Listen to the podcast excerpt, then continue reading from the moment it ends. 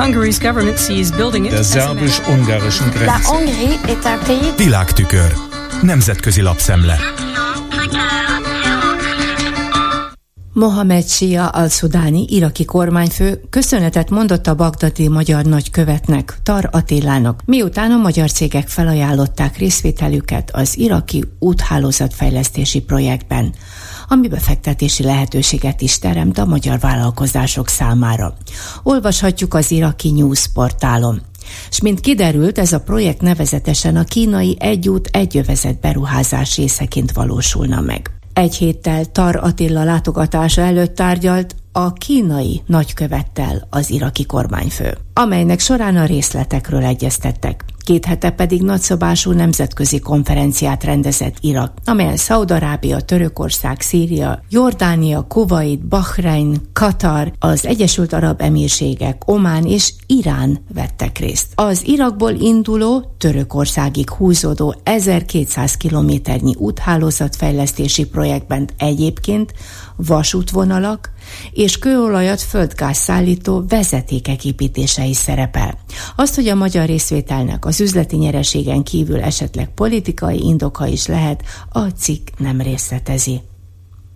A Pozsonyban kedden tartott az úgynevezett bukaresti kilencek tanácskozásán a közép- és kelet-európai szövetségesek megállapodtak Ukrajna további és még intenzívebb támogatásában, hogy NATO tagságát segíthessék, és amit a NATO csúcson júliusban terjesztenének elő Vilniusban. Olvashatjuk az amerikai ABC News TV csatorna hírszekciójában, az AP hírügynökségi tudósításra hivatkozva.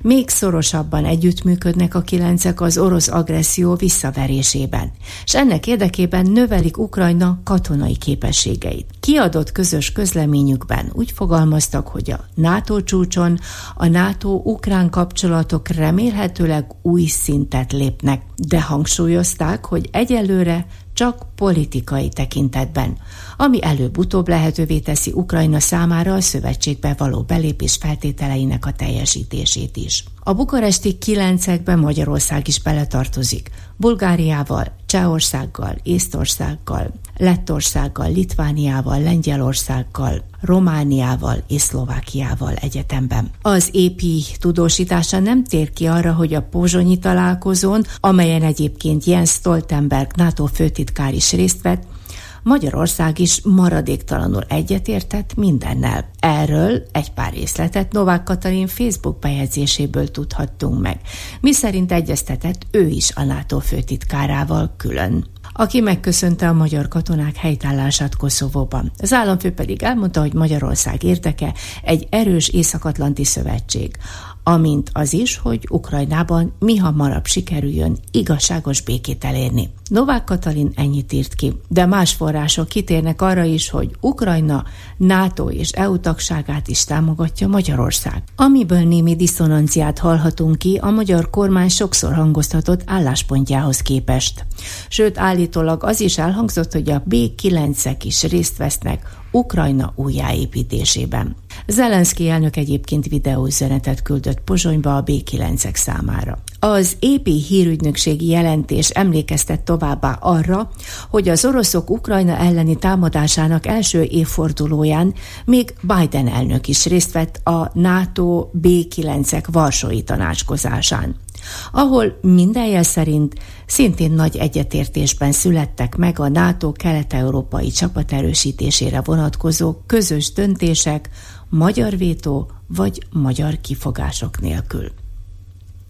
A politikó cikkében Alberto Alemano uniós jogbajártas egyetemi professzor véleményét olvashatjuk. Miszerint, ha mégsem tölti be Magyarország 2024. júliusától az Európai Tanács soros elnökségi posztját, miután az Európai Parlament többsége leszavazta a magyar elnökség esélyét, három forgatókönyv is létezik a megoldásra. 1. Mindaddig halasztják és kitolják a magyar elnökséget, amíg az nem teljesíti a hetes cikkeiben és az egyéb jogállami kritériumokhoz kötött feltételeket.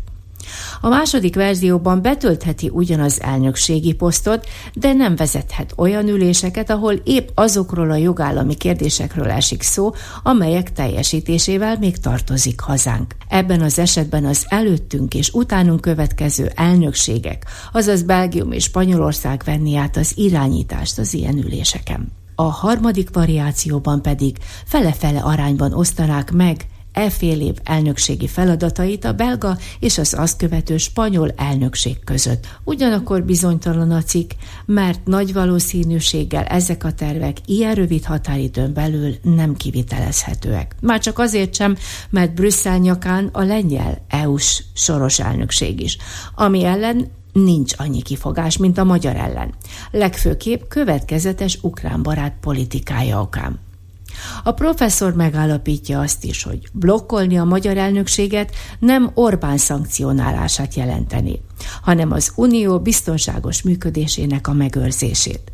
Viszont ez önmagában is egy olyan fenyegetés, amely véget vethetne végre annak a vitának, hogy meddig tolerálhatóak az olyan tagállamok, amelyek megkérdőjelezik az Európai Unió joghatóságát, miközben persze hasznot húznak belőle a pénzügyi támogatásoknak köszönhetően. A világtükör összeállítását Csányászki Judittól hallották. Hungary's government sees building it Der szerbus-ungarischen Grenze. La Hongrie est un pays... Nemzetközi lapszemlét hallottak.